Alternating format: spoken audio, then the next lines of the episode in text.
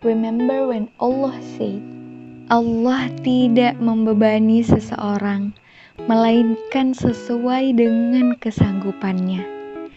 Dia mendapat pahala dari kebaikan yang dikerjakannya, dan dia mendapat siksa dari kejahatan yang diperbuatnya.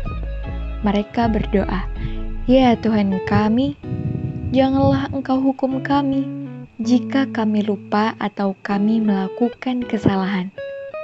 Ya Tuhan kami, janganlah Engkau bebani kami dengan beban yang berat sebagaimana Engkau bebankan kepada orang-orang sebelum kami.